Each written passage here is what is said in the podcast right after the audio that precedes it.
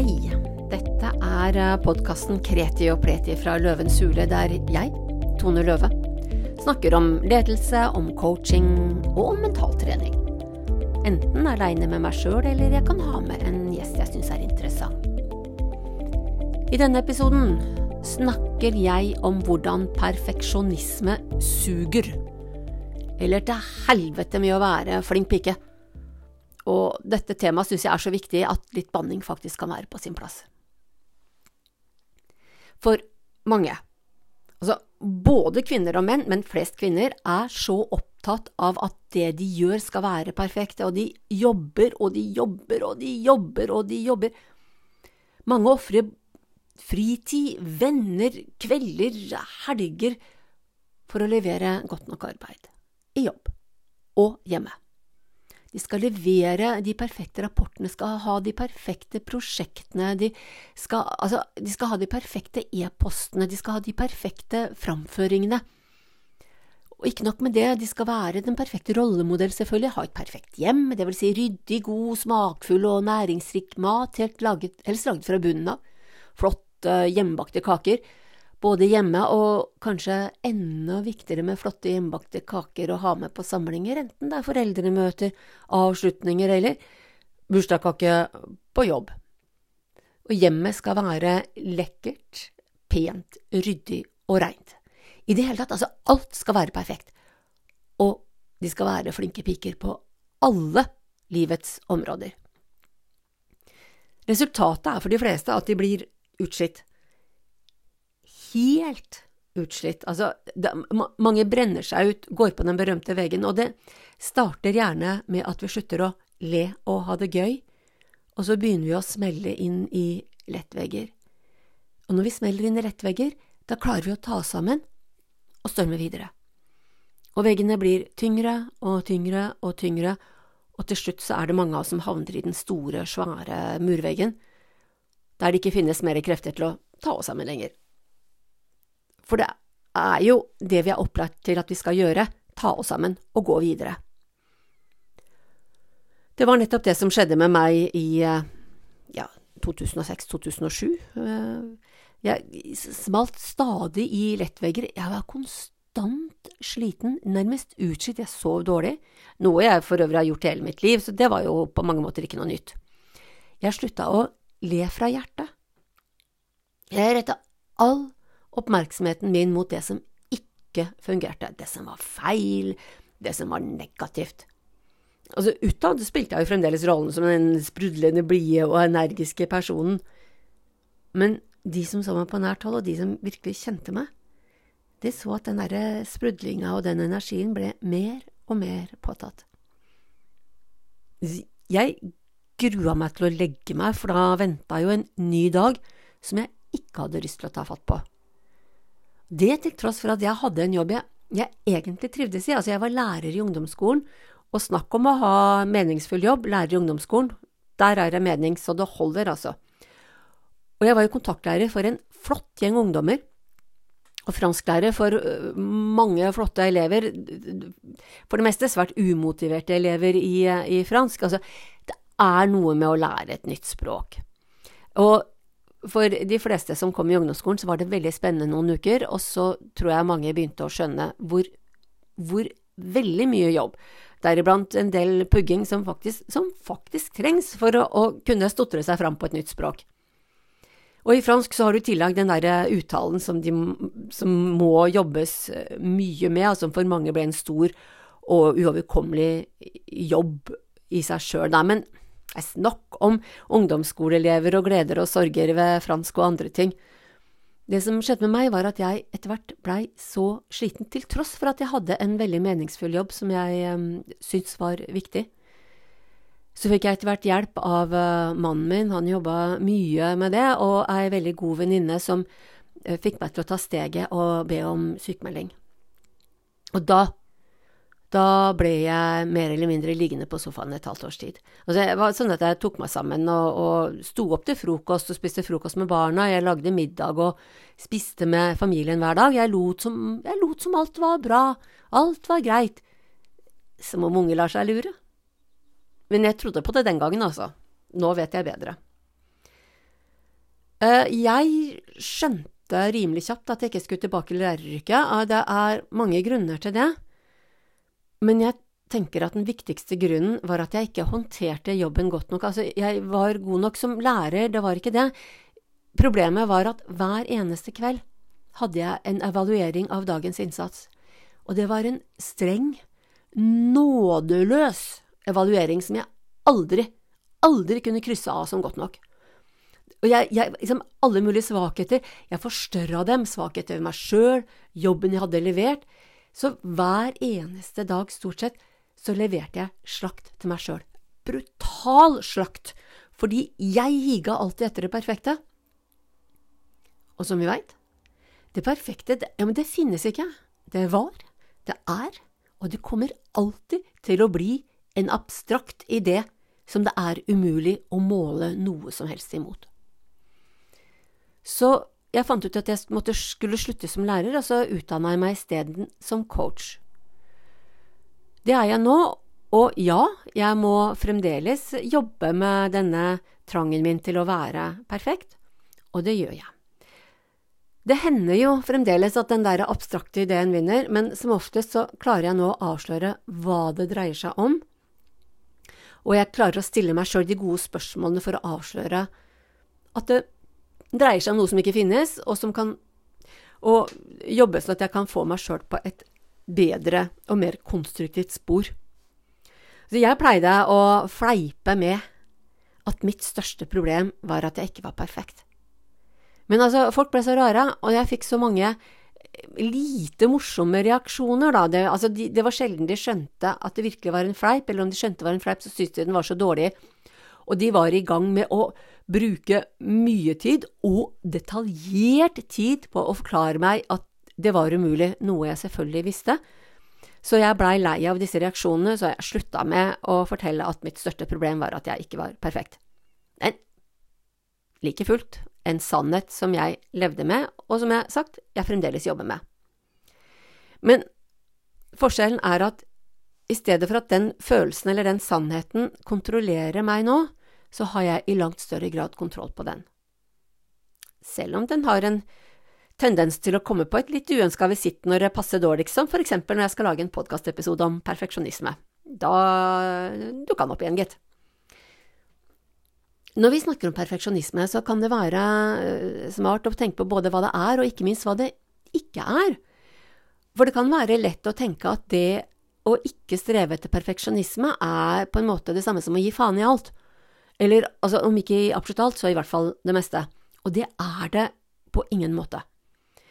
Og perfeksjonisme det dreier seg ikke om å streve etter utmerket arbeid.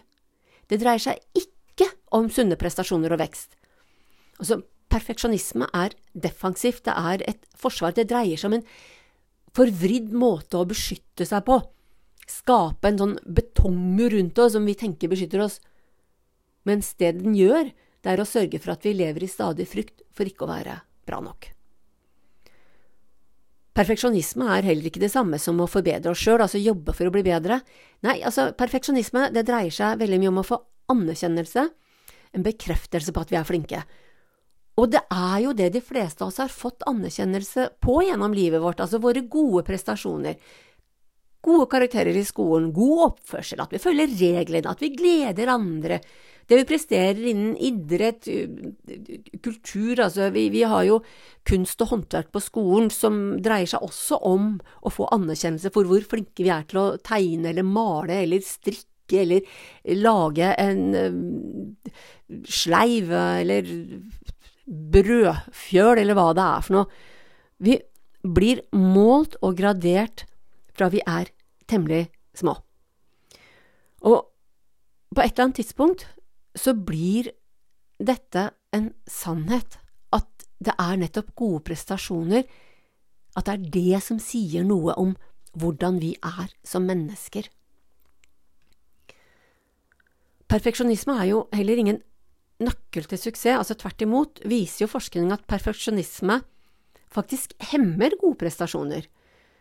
Og ikke nok med det, altså perfeksjonisme kan føre til depresjon, til angst, avhengighet og ikke minst en sånn lammende livssituasjon der vi egentlig ikke våger å gjøre så mye, fordi frykten for å feile, for å gjøre feil, for ikke å møte folks forventninger, og frykten for kritikk, bidrar jo ofte til at vi unngår det som kan være en sunn konkurranse, først og fremst sunn konkurranse med oss sjøl, men til en viss grad også med, med omgivelsene våre.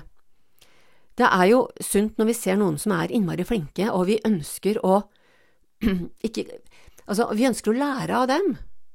Vi skulle konkurrere med dem, men altså en sunn konkurranse med andre er at det skal lære å stadig bli bedre.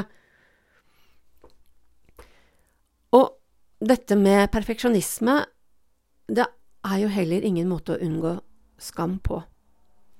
Nei, for perfeksjonisme er en utrolig effektiv måte å fylle på med den derre skamfølelsen, denne frykten for ikke å være god nok, den krypende, ekle følelsen av at snart blir jeg avslørt, og da, da kan det verste skje, hva enn det verste er.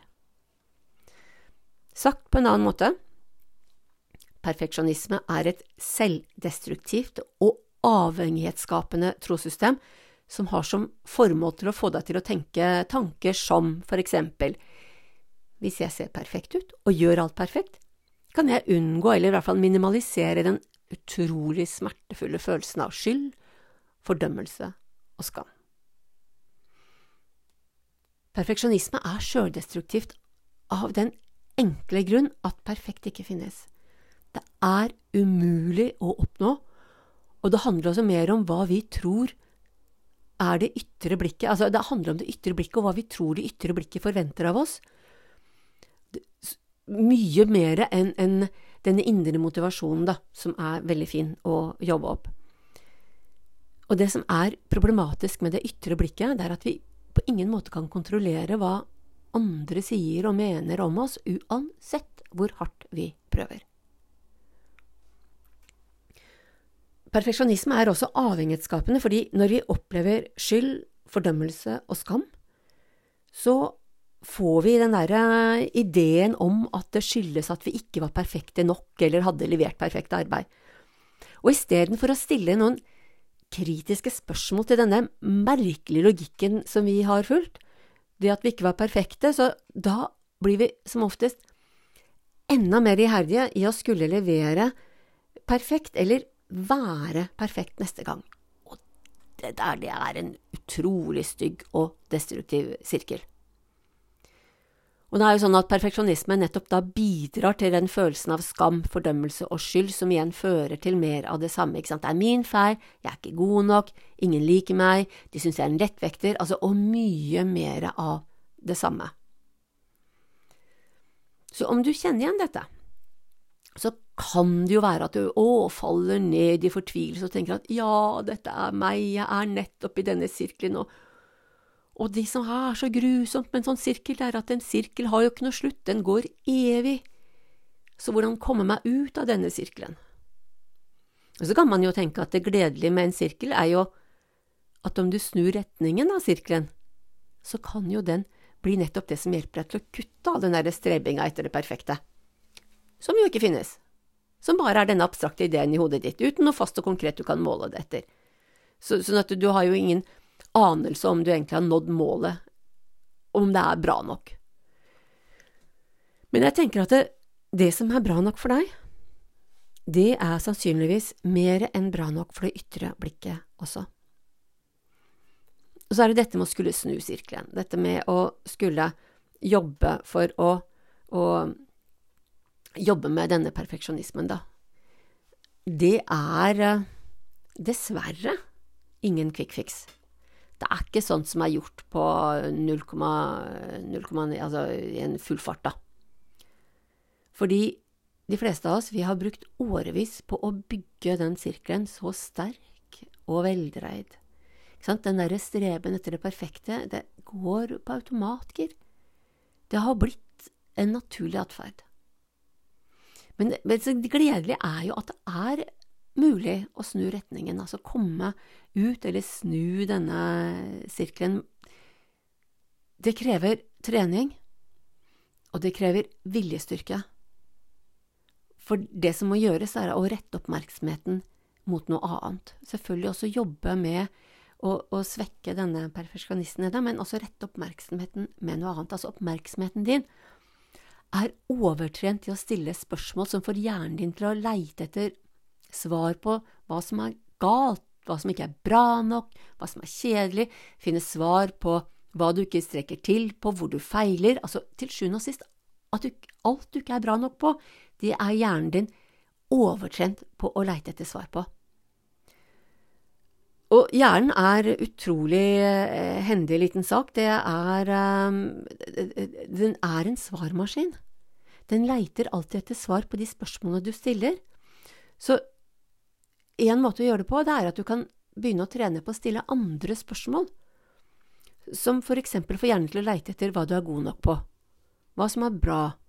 Det kan gjerne være etter hva du kan forbedre også, for vi vil jo gjerne bli bedre.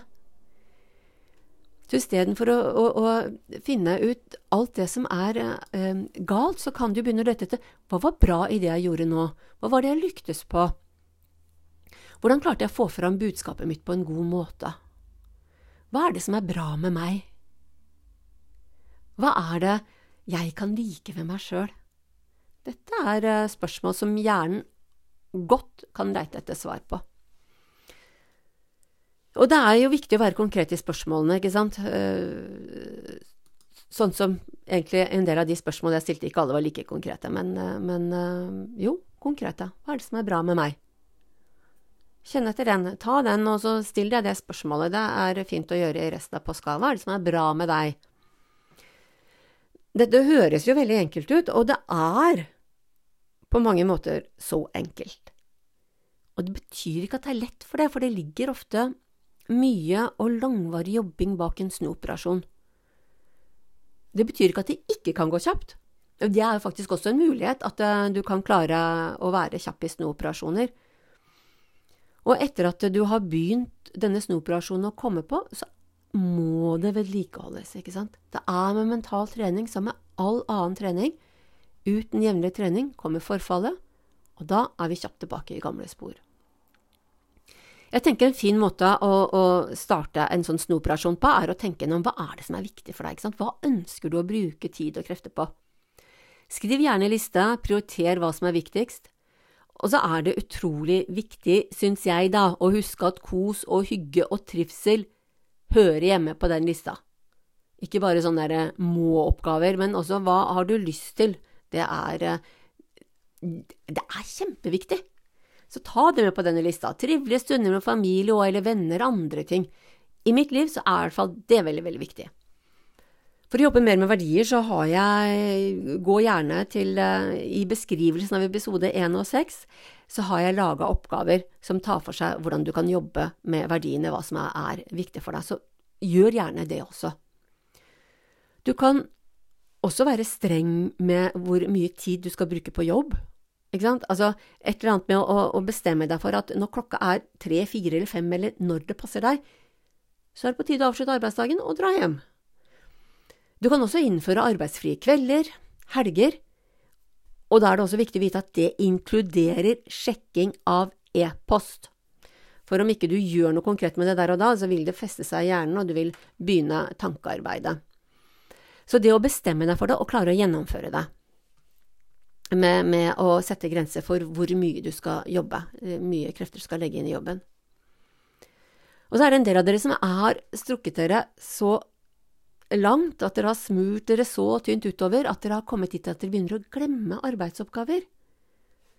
At det er ting som altså, For hjernen er så utrolig eh, fantastisk eh, organ, så når det blir for mye, når det blir liksom overload på godt norsk, så er det noe som faller ut, ikke sant. Den, den, den fjerner det. Og da er det slitsomt å glemme det, fordi det vil jo gjerne medføre at du blir oppdager etter hvert at du har glemt noe, og så vil du da um, få dårlig samvittighet. Uh, det er det ubehaget med å oppdage at du har glemt arbeidsoppgaver. Uh, ta med deg en liten notisbok eller et eller annet som er lett å ha med seg. Da kan du skrive inn uh, oppgavene i den. Og, og så syns i hvert fall jeg er litt deilig at det går an å stryke ut. Altså stryke ut eller krysse av at nå er oppgavene gjort. jeg liker litt det, da. En annen måte for å klare å være effektive i jobben når det skal gjøres, det kan være enten det du gjør hjemme eller på, på jobb. Det kan være altså når jeg skal skrive noe eller gjøre noe og virkelig utfordre meg, så er det å bruke det jeg kaller 50 minutter. Det gjør jeg også når jeg eventuelt skal rydde. Så kan jeg si at nå skal jeg rydde effektivt i 50 minutter. Men det som betyr disse effektivitetsguruene bruker det mye, og mange av de har jo eh, mye erfaring og er ganske smarte. Men å jobbe i 50 minutter betyr at da skal alle forstyrrelser bort. Og så setter jeg klokka på nedtelling på 50 minutter. Og i, da, i den tida så jobber jeg effektivt. Da må jeg vite akkurat hva jeg skal gjøre, at lista er klar, og at jeg hiver meg over arbeidet. Og når du jobber effektivt og, og konsentrert i 50 minutter, det er utrolig hvor mye som blir gjort på 50 effektive minutter. Og så er det jo ikke lengre tid enn at du faktisk kan lukke deg inne, altså si ifra til alle rundt at nå skal jeg ha en 50 minutter eller en time for meg sjøl, jeg vil ikke bli forstyrra. Det er ikke lenger tid enn at det er mulig å kreve det.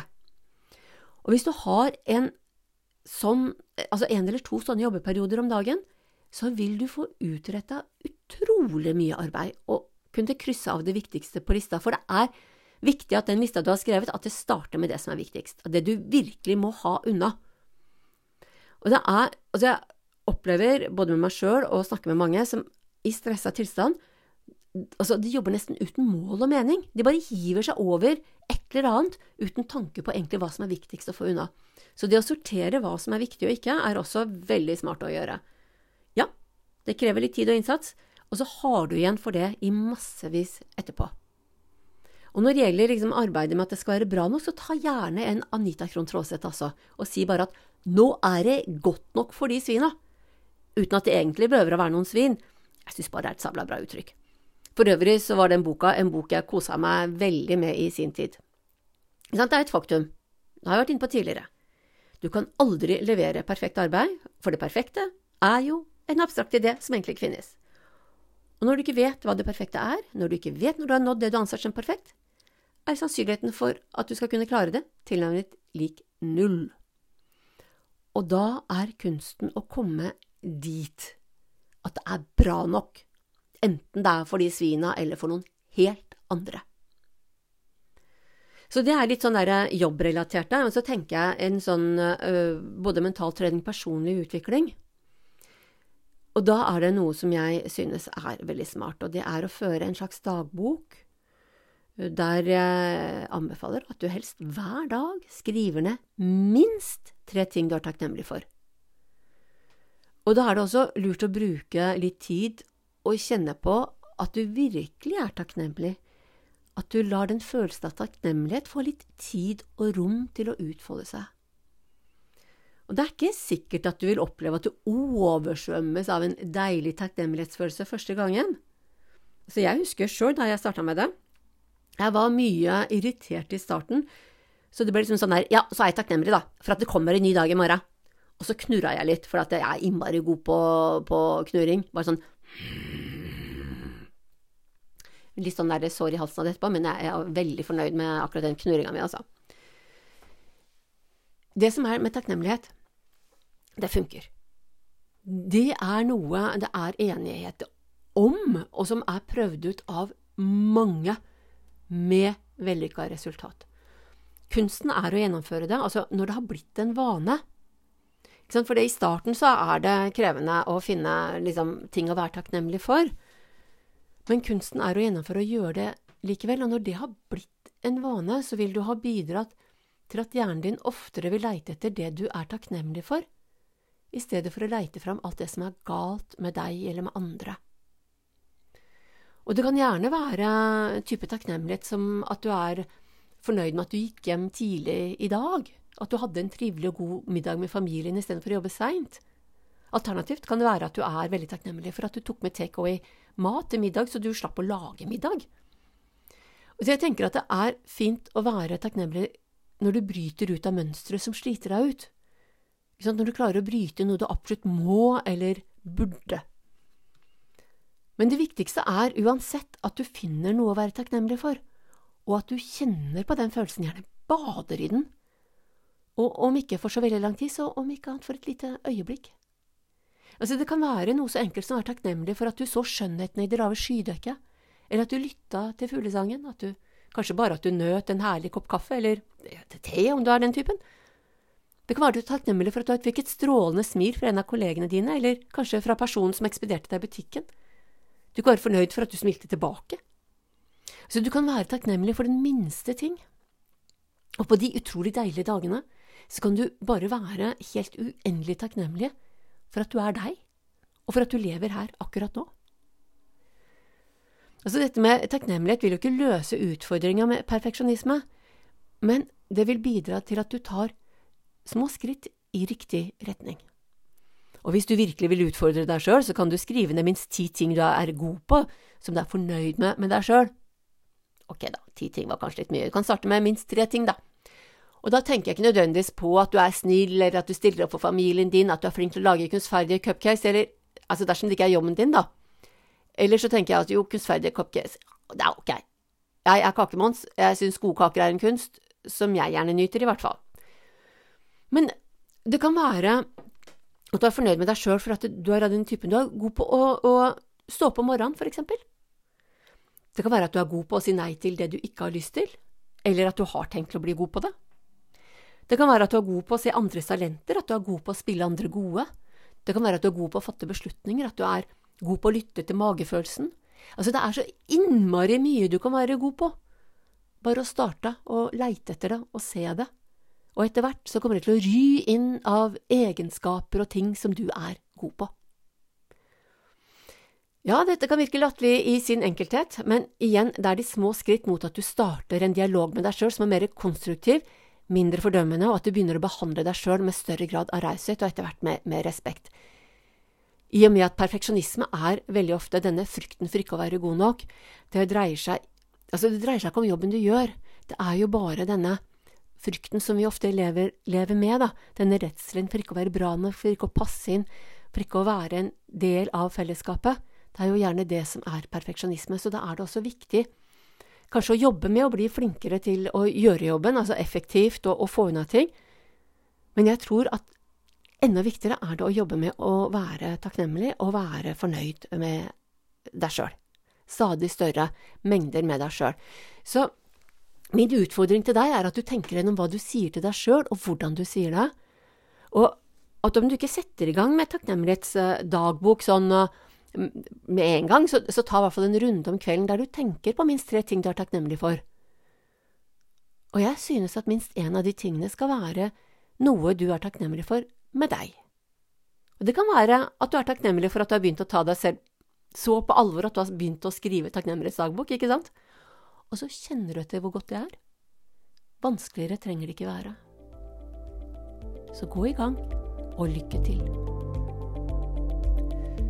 Du har hørt en podkast fra Løve coaching.